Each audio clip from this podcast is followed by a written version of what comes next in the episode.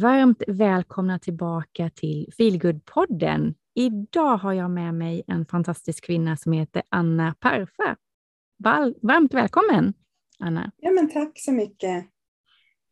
Vi kan väl börja med, eh, det finns ju så mycket som jag vill att du ska berätta, men jag tänker att vi börjar med vår vanliga fråga om vårt första möte som ju inte har varit i verkligheten, utan eh, ja, vad är, vad är ditt första intryck av mig eftersom det uppenbarligen har varit online?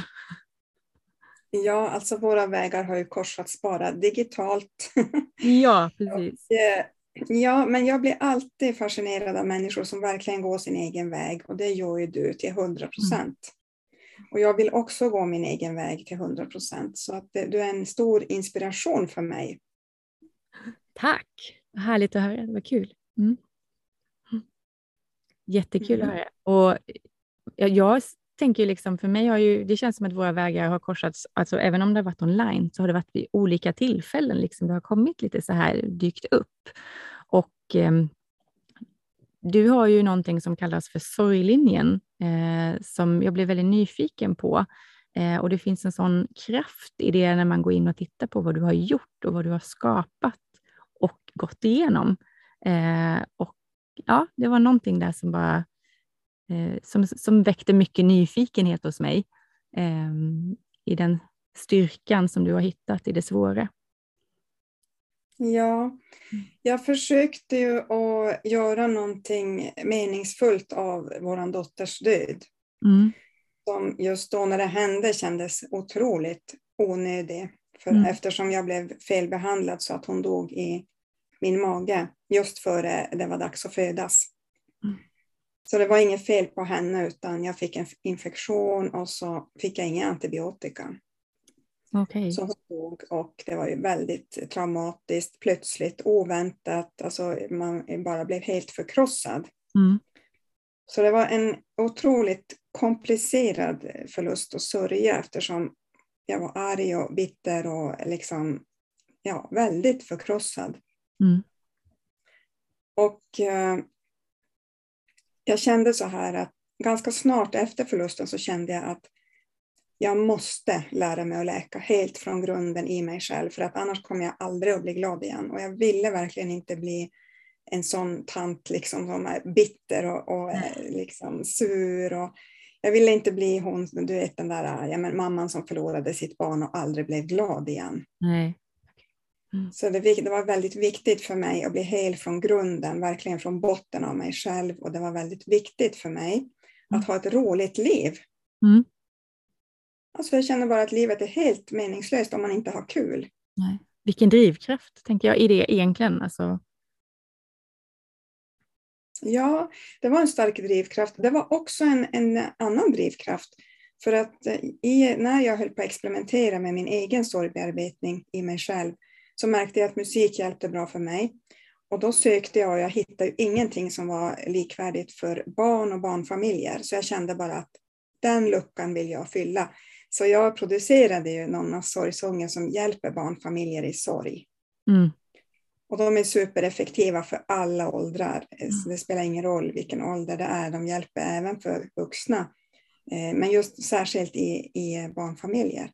Och jag är så glad att jag lyckades producera, för det var ett eh, stort äventyr där att producera, skriva bok och producera musik och ge ut och så där. Och det kan jag tänka mig, det är ju mycket att lära i den världen också, tänker jag.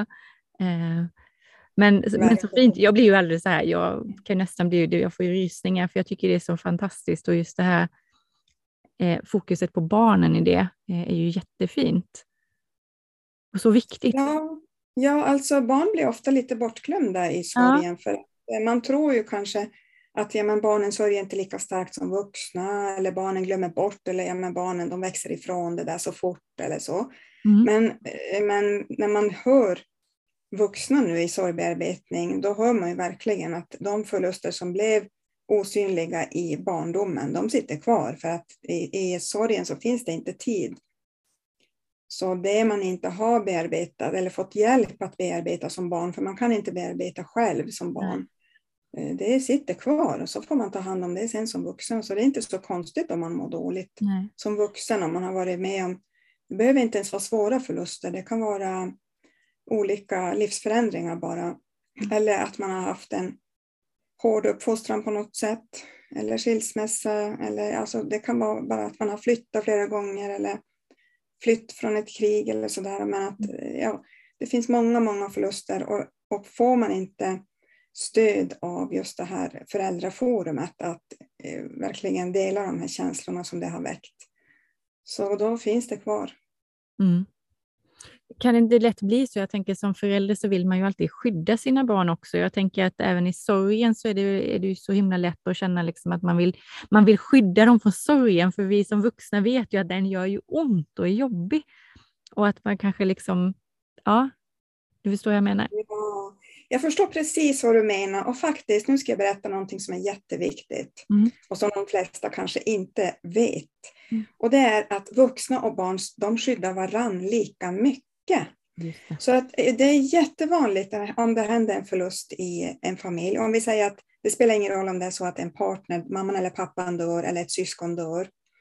Så då blir det ju så att föräldrarna blir ju liksom helt ur spel för att man är förkrossad av sin sorg. Mm. Oavsett vem som har dött. Mm. Eh, Och eh, barnen lämnas ganska ensamma. Och det blir en sån stor smärta som är den där osynliga elefanten i rummet. Men både föräldrar och barn går omkring och tassar på tå lite för varandra så här. Och den ena vill inte lägga mer börda på den andra. Nej. Och då försöker ju föräldrarna hålla masken och inte gråta öppet och inte visa sina känslor för man tänker att åh, då blir det ännu jobbigare för barnen.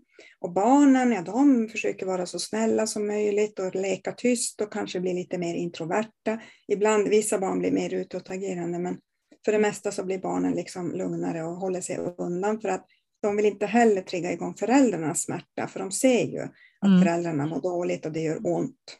Mm. Och det som händer då är att man kommer i ofas i sorgprocessen. Men det som händer då med de här nonnas sorgsånger, Mm. det är att om man då sjunger en sån där sång tillsammans i familjen, man, föräldern säger att ska vi sjunga en sång och så kanske man gör om den, man skräddarsyr den så att det passar ens egen förlust. Mm. Då blir själva sången forumet där man kan ha en gemensam sorgprocess. Och då kommer man nära varann. Och då kan man sörja tillsammans. Så det är därför det är så viktigt med just det. Det är därför som, de är, som jag är så otroligt nöjd med de här nonnas sorgsånger, för de fyller flera funktioner.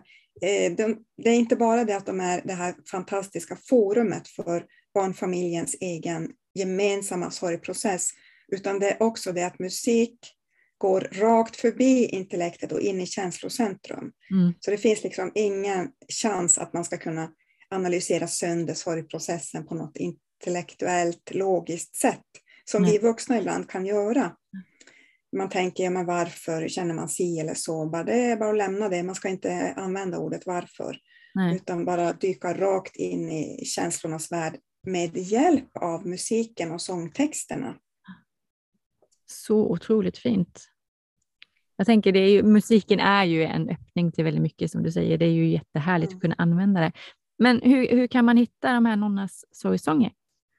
Ja, det är bara att googla på det. Det finns på Youtube och Spotify. Alla streamingtjänster finns de. De ligger gratis där. Mm. Och det stavas ju N-O-N-N-A-S. Mm. Sorgsånger, alltså Mm. S-O-R-G sånger. Mm. Så googlar man på dem så hittar man dem. De- Man kan hitta dem genom min hemsida, sorglinjen.se, Mm. eller på Youtube eller ja, överallt. Jätte, jättefint, vad härligt. Blir så Så det är glad. bara att lyssna. Ja, det är bara att liksom hitta dem och lyssna och se vad som händer med ens egna känslor. För att Mm. de väcker mycket känslor. Absolut. Mm. Ja. Men hur länge sedan var det du gick igenom din process?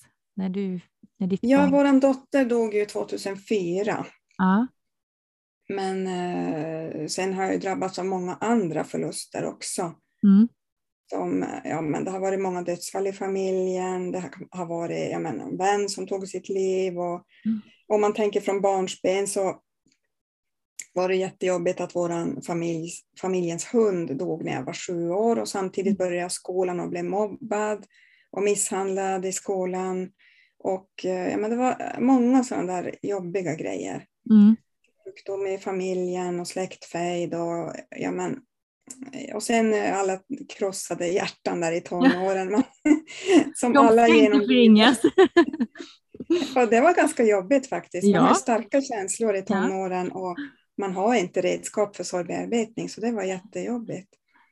Nej, och så kommer man ut som ung vuxen och ganska snabbt blev jag ju gravid, helt så här hoppsan gravid. Men det var ju ändå välkommet, så jag var ung ensamstående mamma.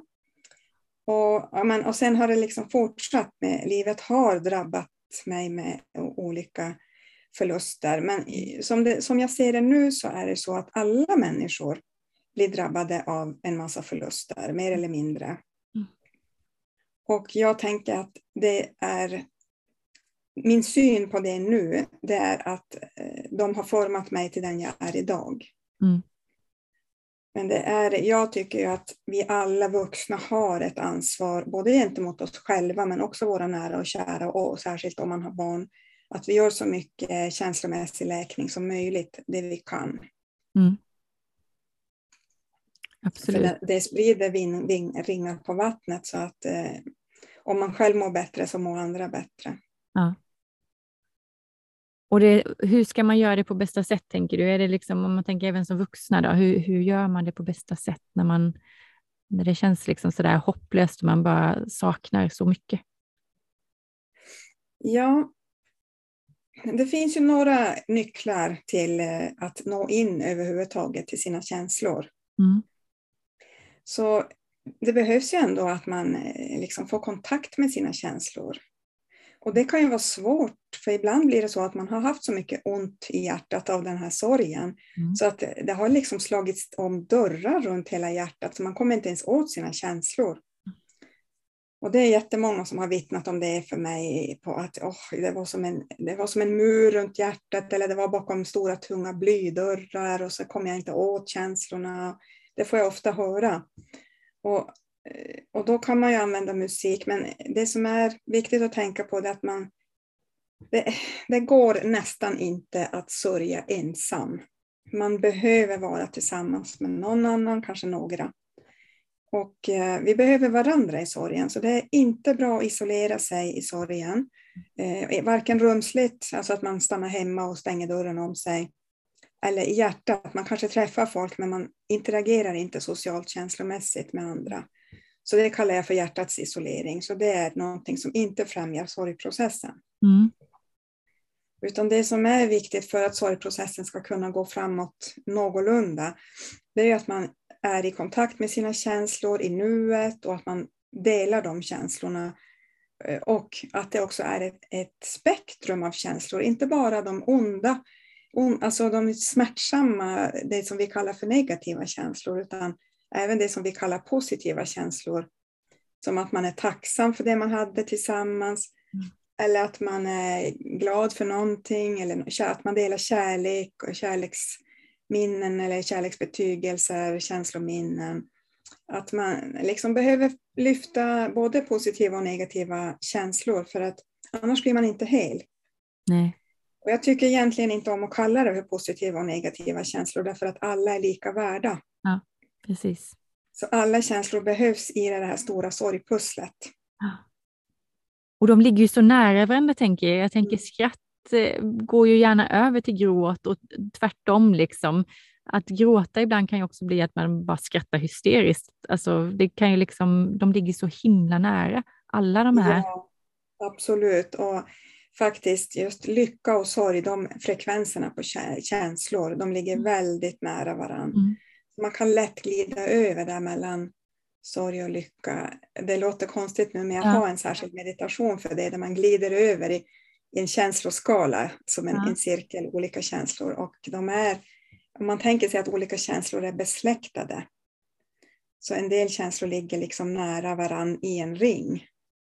Just det. Ja, det där är spännande. Det är jättespännande. Jag tycker det är så intressant och, eh, och både att jobba med det och liksom, framförallt med sig själv och, Och jag som har jobbat med barn och ungdomar, det är ju mest där jag har jobbat med det, men det är ju väldigt intressant att göra det när man tittar på det.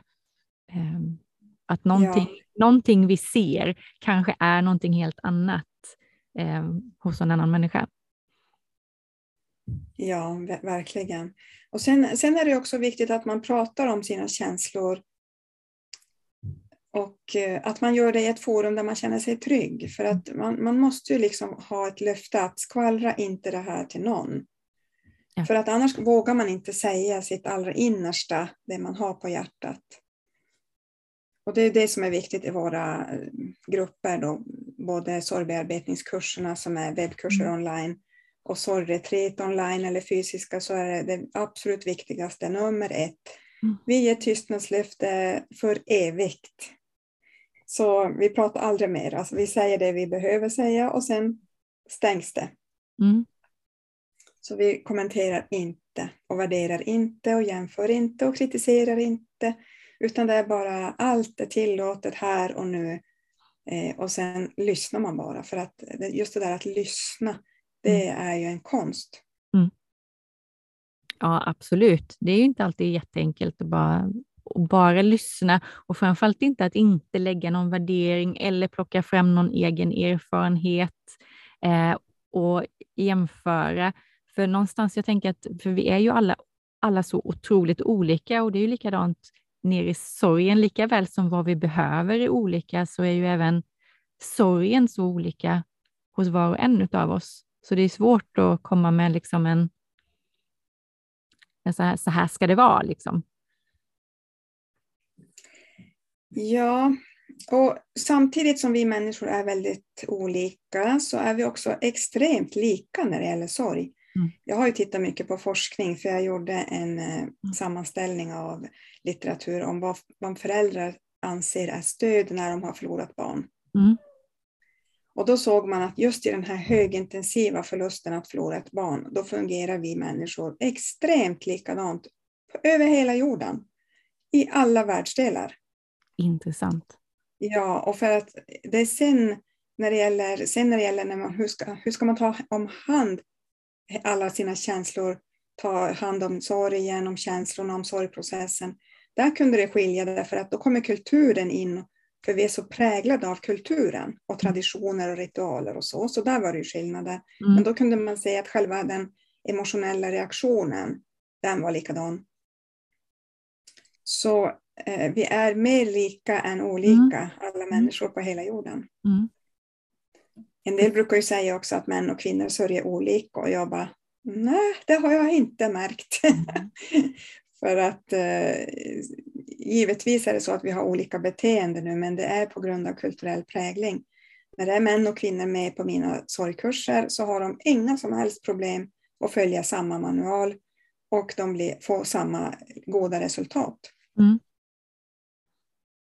Så det som gör egentligen då att vi tänker att det är olika är egentligen som du säger, alltså kan vara den här kulturella präglingen som... Ja. Ja. Den sociala programmeringen som vi alla är utsatta för, liksom, ja. beroende på var vi bor. Och så har vi olika kulturell prägling, eller man kan kalla det social programmering också. Vi mm. tror på olika Eh, saker. Alltså vi tror, här i västvärlden tror vi ofta att tiden läker alla sår, eller att det är bra att klara sig själv och vara aktiv och arbeta och träna och, och att man ska inte... Man eh, ska inte vara till besvär. Man ska inte vara till besvär och man ska inte vara för känslig och liksom mm.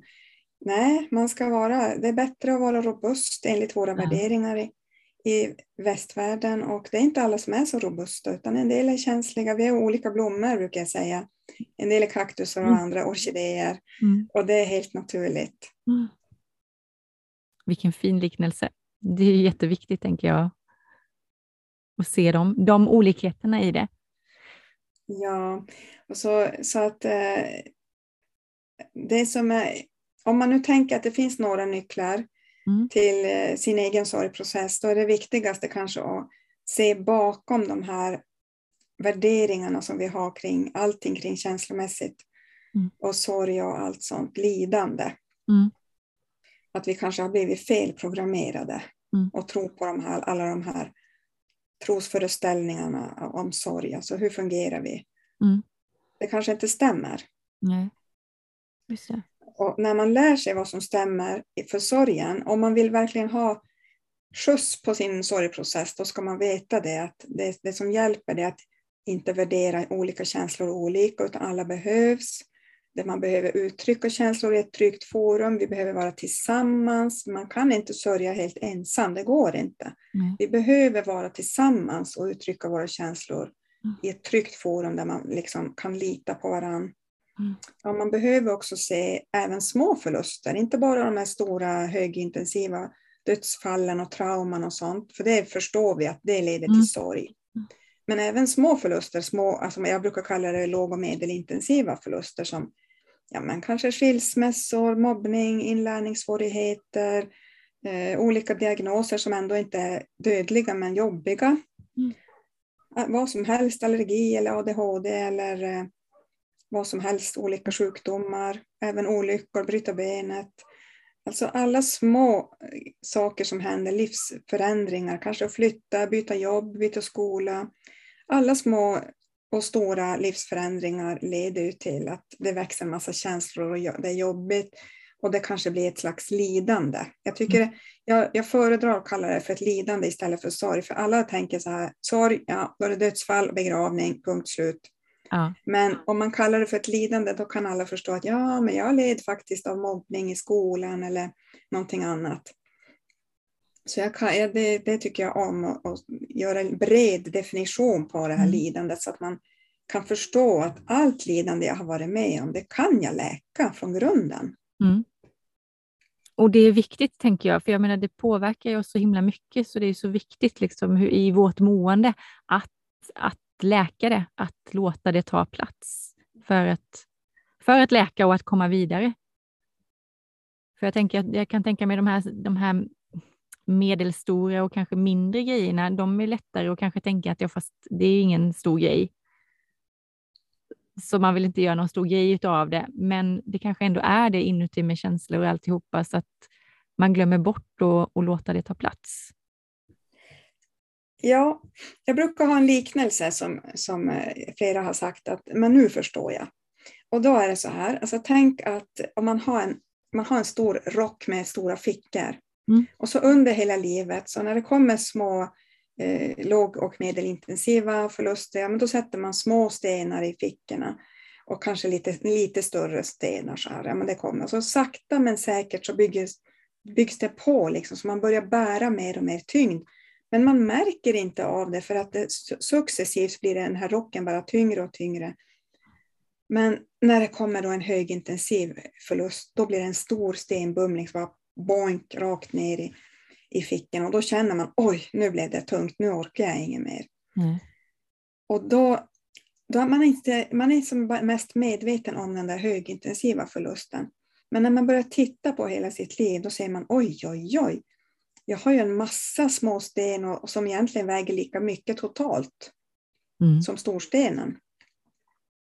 Så det är allt lidande som vi inte har bearbetat. Det ligger och gnager och stjäl vår livsenergi.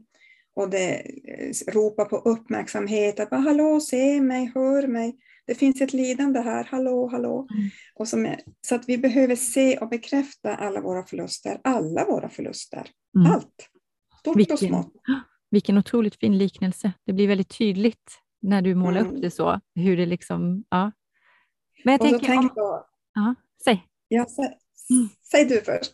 Nej, nej, jag tänkte liksom, men, men om man då lyssnar nu och så tänker man och så kommer man på att, att det är någonting som skaver, eller jag har känt det länge att det är någonting som skaver och nu när du pratar och säger det här så börjar jag kanske förstå att det finns kanske, jag kanske har en väldig massa småsten här i mina fickor som liksom eh, som är tunga, som har blivit tunga och som är jobbiga som jag behöver ta tag i för att kunna må bättre.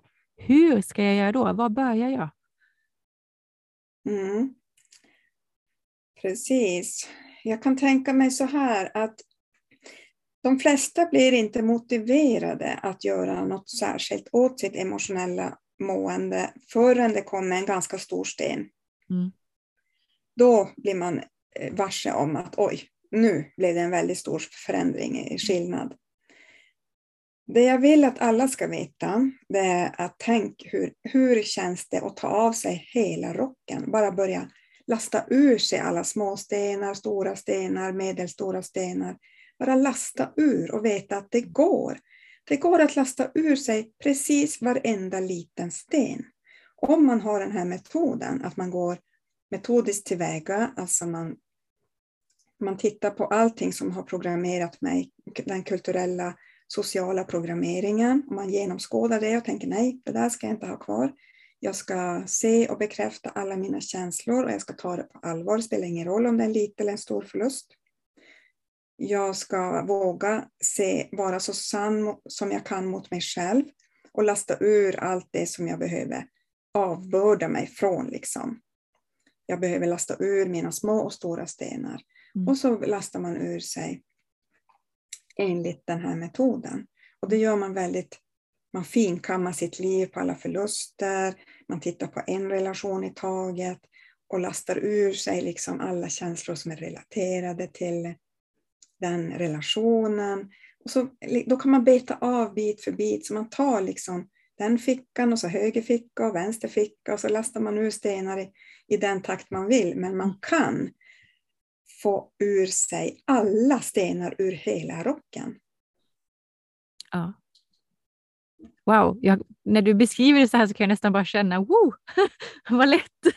Det ska liksom vara skönt, vilken skön känsla tror jag för många att liksom ja. bara se det eh, och bara tänka det, att ja. det är möjligt. Ja, precis. Och det som också är eh, det som är lite svårt är ju att eh, när man har gått omkring med den här halvtunga rocken ganska länge så vet man inte ens hur man skulle kunna må. För man har sakta liksom vuxit in i det här. Och man tror att jaha, det är så här det är att vara vuxen. Mm. Det behöver inte vara det. Och Det som är svårt att veta också eftersom de här stenarna har legat där så länge och stulit så mycket livsenergi så att man har varit trött länge så tror man att ja, men det är vintern, det är för att man är vuxen och jobbar mycket och liksom tar sitt ansvar. Men jag har jobbat jättemycket. Jag tycker verkligen jag lastar ur väldigt mycket sten. Jag, jag tror inte jag hittar några fler stenar, så jag har jobbat minutiöst noga med att lasta ur mina egna förluster. Mm. Och då känner jag, jag känner en jättestor skillnad just att det är så lätt att vara mindful, det är så lätt att få, alltså samla energi i mig. Jag har jättemycket energi nu och jag jag kan lätt svänga mellan olika känslor. Det, det, är inte så att man aldrig mer blir ledsen eller arg eller förtvivlad eller så. Mm. Jag kan ju ha tillgång till alla mina känslominnen från vad som helst som har hänt i mitt liv. Mm. Men de tynger mig inte, för jag har kopplat bort smärtan från dem. Mm. Så, eh, men jag tycker ju att jag känner, jag känner mig ganska lätt liksom, till sinnes, lätt och för det mesta glad. Vad skönt. Men du pratar om någon metod, att man liksom kan börja då att beta av det här enligt metoden. Är det någonting, utav, någonting som du har eh, i din... Ja.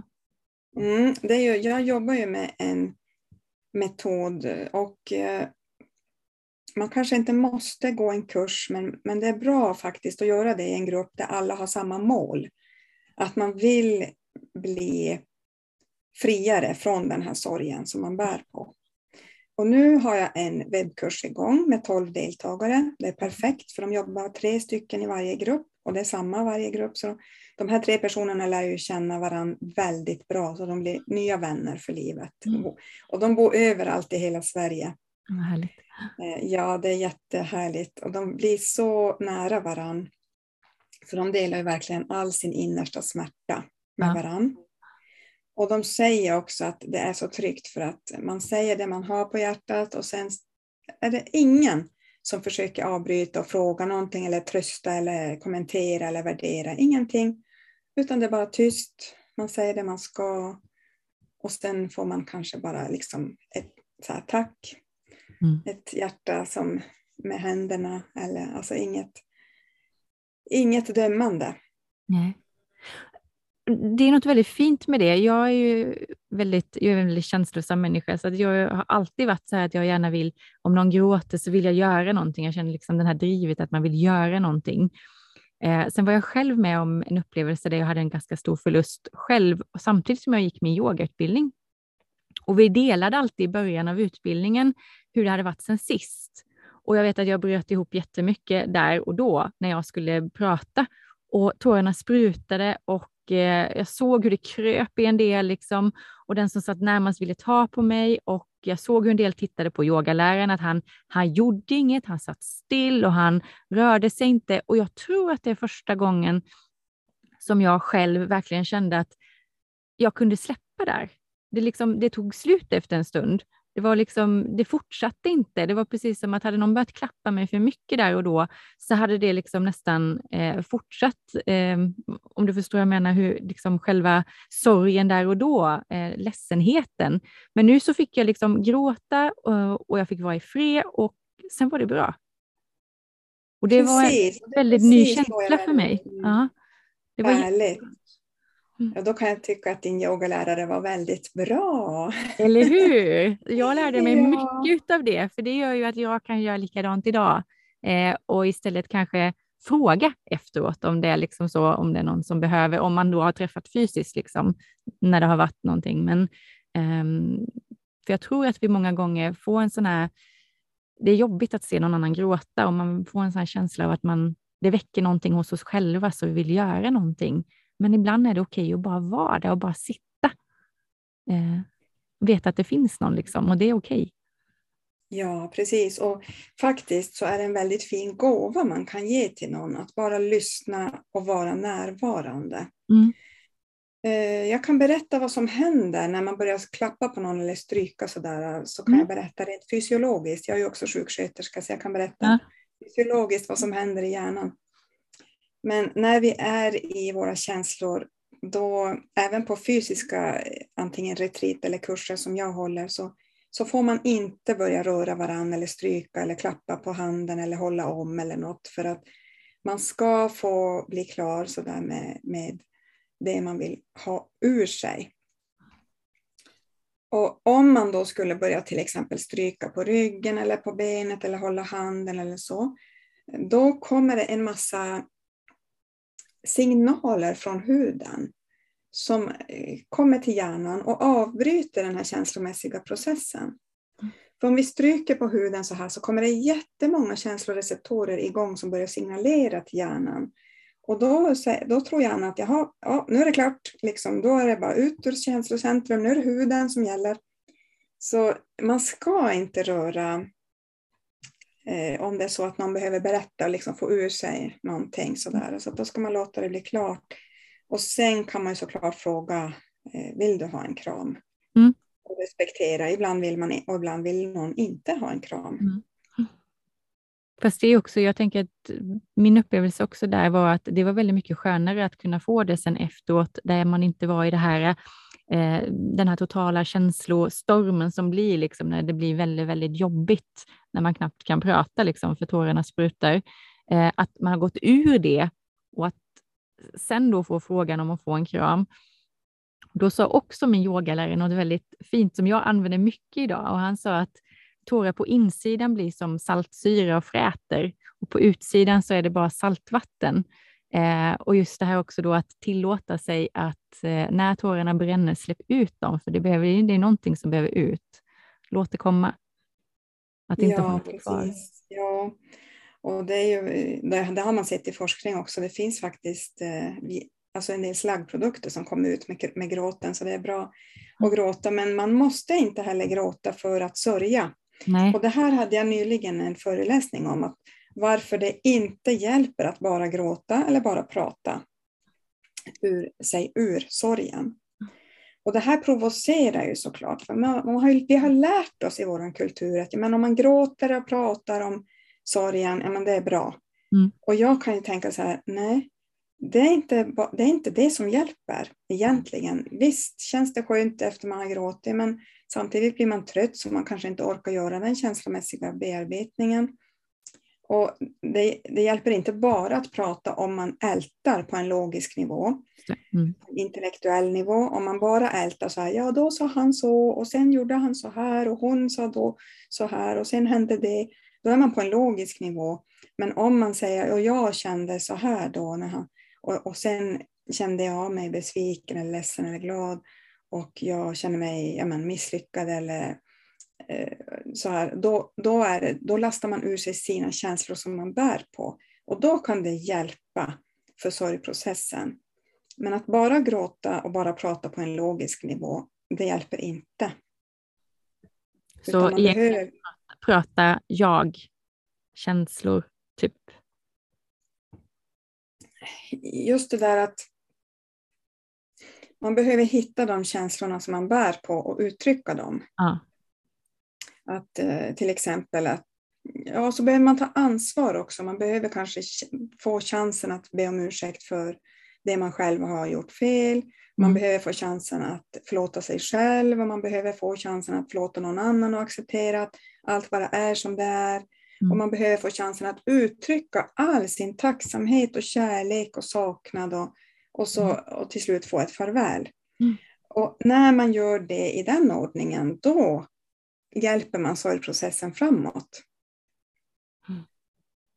Så himla fint. Det finns ju så mycket att lära om någonting som man tänker, alltså, någonstans är det så lätt att tänka att det bara är eh, sorgen mm. liksom någonstans. Men som du säger, det är ju så himla viktigt att jobba med det för att läka och för att komma vidare. För det är ju någonting... Ja, och det är så bra att du säger att vi tror att det bara ska finnas där, för att det finns ju som olika myter om det där att vi har, vi har ju lärt oss i kulturen att ja, men, vi är människor och då borde man ju kunna det där med sorgbearbetning för att vi vet att alla drabbas av någonting förr eller mm. senare och då är det mänskligt att drabbas av sorg så det borde vara mänskligt att göra sin sorgprocess. Liksom. Men det är inte så lätt därför att vi har blivit fellärda hur vi ska göra vår sorgprocess, hur vi ska gå igenom den på ett bra sätt. Så vi behöver lära om. Vi behöver lära om så att man... Det finns andra kulturer som är bättre på sorgbearbetning. Jag vet, jag har sett det ibland, så mera primitiva kulturer, de har i sin kultur, kanske de har olika sånger eller danser eller ritualer som, som främjar sorgprocessen bättre än vad vi har i hela västvärlden. Mm. Ja, det finns mycket att lära, helt klart, på, på, på många sätt. Och det är också väldigt intressant egentligen, även om det kan låta liksom, sorg kan ju låta väldigt, ja det är som du säger innan, alltså man säger lidande istället är lättare för många liksom att relatera till även på, på mindre saker. Eh, men sorgen, det sätter ju sig som sorg och det är ju så himla ja, viktigt att se den. Precis, och, och ibland är det faktiskt så att eh, det finns ju tillfällen när en människa verkligen har fastnat i sin sorgprocess och då behöver man hjälp. Och ofta är det, då kallar man det för eh, komplicerad sorg. Mm. Eh, och eh, det händer ju ofta, till exempel om man har blivit drabbad av flera stora förluster på kort tid, då, då trasslar det ihop sig allting så man kommer inte vidare.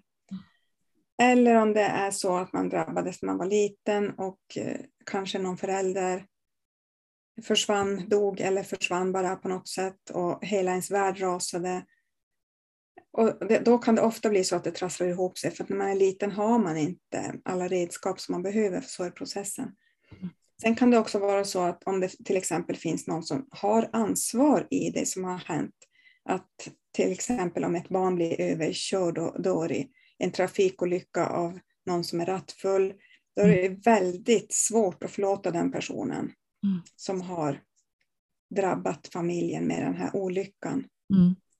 Så då kan det lätt vara så att, eh, att det blir komplicerad sorg som är svår att ta sig igenom. Mm. Så, ofta också vid självmord, det är så smärtsamt och då finns det också den här ansvarsfrågan. Så det är ofta så att det blir komplicerat. Mm. Ja. Och då, då tycker jag att det är eh, bra att man tar hjälp. Och det är inte alltid man känner att man får hjälp om man söker vanlig vård. Och det känns som att nej, jag har varit till alla psykologer och kuratorer och jag har varit hit och dit och överallt, men jag kommer ändå inte vidare. Mm.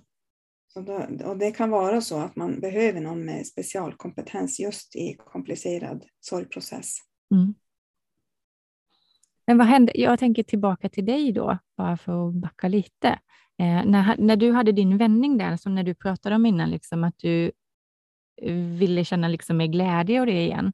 Vad hände därifrån? Eh, var det liksom en så här att du kom på att ja, men jag har de här, min egen erfarenhet nu och du började skapa dig innan, som, när du byggde upp det du har idag?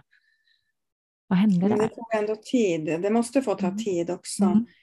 Jag jobbade väldigt intensivt med min egen sorgprocess. Och med, alltså jag visste ju inte hur jag skulle göra. Och jag upptäckte också att oj, jag hade en massa obearbetat skräp under mattan, bara insopat under mattan. Och allting väcks ju då när man, har, när man drabbas av en högintensiv förlust. Då kommer allt som man har sopat in under mattan, då kommer allt ut. Mm. Och man blir också rädd för nya katastrofer och man liksom, ja men det är ett oerhört lidande. Och det är vanligt att man känner sig ensam för att det är ingen som förstår vad man går igenom. Och det är ju, det är ju sant, samtidigt som om man skulle träffa någon som gick igenom exakt samma så skulle man ändå inte riktigt förstå varandra. Eh, man kanske förstår en glimt av vad den andra går igenom, men inte hundra procent för att vi har ju vår känslomässiga process bara inom oss själva. Mm. Så nej, men då var det jobbigt ändå att gå igenom. Det var jobbigt att träffa folk, det var jobbigt att liksom ta sig tillbaka till jobbet och till, ja, men, i alla relationer som jag tyckte, det var ju många relationer man blev besviken på att man inte blev sedd och bekräftad och liksom omhändertagen i sorgen som var så stor. Mm. Så det var ju många, det var många relationer som man kände att oj, oj, oj, man får liksom ha överseende med att mm. Man inte har den här kunskapen om hur vi borde ta hand om varandra i sorgen. Nej. Nej, för det är ju en grej också som jag tänker som inte är helt ovanlig i sorg, där man tänker att vissa man kanske trodde skulle vara de som mm. skulle finnas där, inte, inte gör det och det känns som att man, man tappar vissa, medan andra som kanske egentligen inte alls har varit nära dyker upp och kliver in som bara och, och tar plats liksom och stöttar fantastiskt mycket. Ja, det, det upplever man väldigt ofta att det är så. Ja. Och det är bara att acceptera att det är så. Och jag brukar tänka så också. Eh, när, för vi hade flera förluster i familjen och, och, då kände jag så att jag hade ändå förståelse för att ja, men de andra är också sörjande. Mm. Så att jag kan inte kräva att de ska orka stötta mig för de är också i sorg. Mm. Så att jag behövde få stöd någon, någon annanstans ifrån. Mm. mm. Ja, nej, men det var ändå smärtsamt. Men jag kommer ihåg när vi, vi låg på sängen, jag och min man och så min äldsta son som då var 14. Och jag sa att eh, nej, nej, det vi måste verkligen försöka det är att försöka ha ett så roligt liv som möjligt nu efter. För att eh, det enda som kan vara mer tragiskt än att ha förlorat vår dotter Ella-Lisa, det är liksom att resten av livet ska bli tragiskt och, och sorgligt och tråkigt. Mm. Ja, det är så fint och så viktig tanke, tänker jag. Och att prata om det så i, där och då. Och ja, och sen tänker jag också på att man kan bli ännu gladare. Alltså tänk om man har en burk full med kulor i och så lastar man ur de där kulorna och allting, så fylls det bara upp glädje i den där burken. Alltså det ryms mycket mer glädje i livet när man mm. har lastat ur det där sorgliga. Mm. För vad kommer där istället? Istället för de där sorgliga stenarna, ja då kommer det ju kärlek och glädje och känslomässig trygghet och kreativitet och det finns det är så mycket annat som får plats då. Ja. Vad fint. Vilken fin bild jag får framför mig med den här burken med det. Jätte. Ja. Vad härligt. Ja, det finns mycket man skulle kunna prata om. Du har ju så otroligt mycket kunskap om detta, Anna. Eh, och eh, jag kan ju, kommer ju lägga ut din hemsida och det också, så man kan hitta dig om man vill, vill veta mer om det du gör, vilket är ett fantastiskt arbete på så många sätt. Eh, vi ska snart knyta ihop, men jag vill också fråga vad du har framför dig just nu. Vad har du på gång? Ja, det jag har på gång nu, det är ju att jag ska snart ha faktiskt en gratis kurs i, i den här metoden, alltså en baskurs kan man säga. Och det är ju för att jag vill lära ut gratis och det enda man betalar med då det är sin referenstext och referensvideo. Mm. Eh, så att man får berätta om hur det har känts att vara med och vad det har gett. Mm. Och sen kommer jag att ha, jag kommer att starta nästa sorgbearbetningskurs, eller ja, det är ett långt stödprogram på sex månader. Det startar jag i slutet på mars nästa gång. Och sen kommer jag ha sorgretreat både online och så fysiskt i Stockholm och i fjällen. Så jag har mycket härligt att se fram emot. En del frågar, men hur orkar du umgås med sörjande hela tiden? Det är så härligt, för att det vänder ju. Alltså jag får ju vara med om den där vändningen så ofta just när man, åh det är så sorgligt, alla gråter i början och så, oh, så vänder och sen i slutet på kursen, då, då är vi glada. Ja, det, och jag tänker det jag kan tänka mig att det ger otroligt mycket att vara med den resan liksom och se det. Ja, det är så underbart. Det är så underbart för mig att få vara med det varje gång. Att, att se den här både gruppprocessen och deras sorgprocess som får en sån otrolig skjuts. Mm. Ja, så fint. Jag kan inte mm. låta bli att tycka lite också att det är lite fint att du och jag pratar just idag. Det gick ju lite snabbt när vi bokade vårt möte och jag hade ingen tanke på det. Men eh, jag kan inte låta bli nu att säga att det, igår var faktiskt dödsdagen på min bästa vän, för det är fyra år sedan hon gick bort. Och det var nog bland det svåraste som jag har varit med om att förlora sin bästa vän väldigt hastigt eh, och har mm. påverkat mig jättemycket. Och att sen prata med dig nu eh, i detta, just i den liksom, eh, idag känner jag väldigt mycket tacksamhet över våra möten och allt vi haft tillsammans, men Eh, Eh, det du har sagt har ju gett mig jättemycket också. Jag hoppas verkligen att det har gett, jag kan tänka mig er som har lyssnat med, eh, många fina tankar, viktiga eh, reflektioner och synsätt och jag blir bara mer nyfiken. Ja, ja, snart kanske du kommer på ett, ett retreat med mig. Ja, i fjällen. Eller du får komma hit, ja precis. Vi kör ja. retreat i värmen också. Ja. ja, precis. Och det jag tänkt i framtiden. Då vill jag ha så retreat sådär en hel vecka utomlands. Tänk vad underbart. Oh, Gud. Ja, ja. Vem vet mm. vad framtiden väntar på? Det finns mycket spännande. Men innan vi avslutar också så brukar vi alltid fråga eh, dina bästa feelgood-tips och då brukar det vara liksom för att kunna må så bra som möjligt i sin vardag. Mm. Vad skulle du tipsa om då? Ja, alltså jag har jättemånga feelgood-tips egentligen. Jag skulle kunna prata i flera dagar om det, men när jag, när jag vill må bättre, alltså om man tänker så här, om man gör yoga, man mediterar och qigong och. Meditationer, allt det där är underbart, men det blir tio gånger mer underbart om man först har städat undan sitt känslomässiga sorgbagage. Jag lovar, jag har provat allt det där innan och efter jag har gjort sorgbearbetning. Så när man har städat i sina känslor mm. så blir alla de där andra feelgood-tipsen tio gånger starkare. Mm.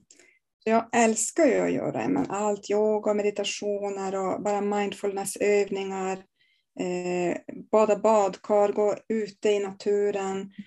Eh, liksom, jag älskar att bada. Jag badar jämt. På sommaren badar jag ju så, så, fort jag kan, helst naken. det är bäst. men underbart, underbart att bada. Mm. Och, ja, men, man får hitta vad man själv tycker är härligt med, med feelgood.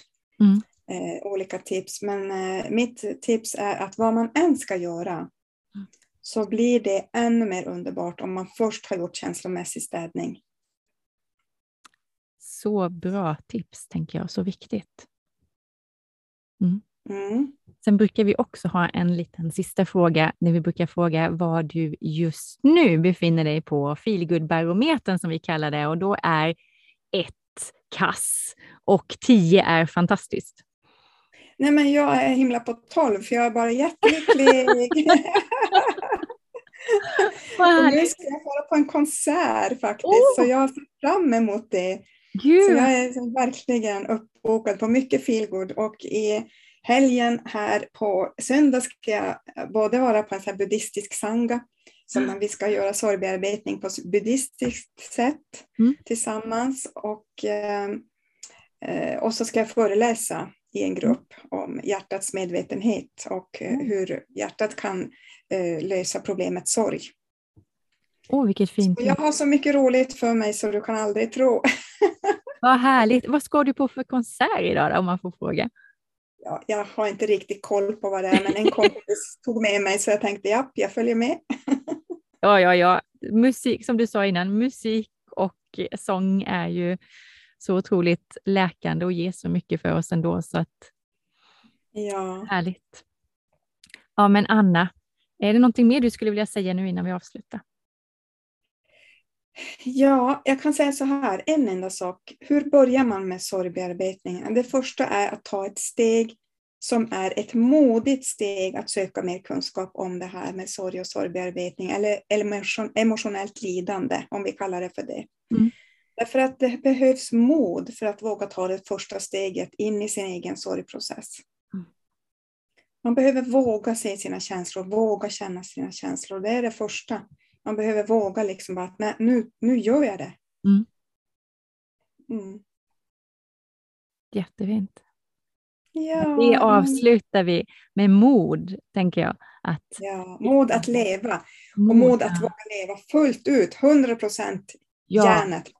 Oh, ja, den kör vi på, absolut. Ja. Men det så säger jag tack så jättemycket Anna för att du ville vara med. Och eh, stort tack till dig som har lyssnat. Så hörs vi snart igen. Ja, tusen tack. Mm. Kram till alla. Ja.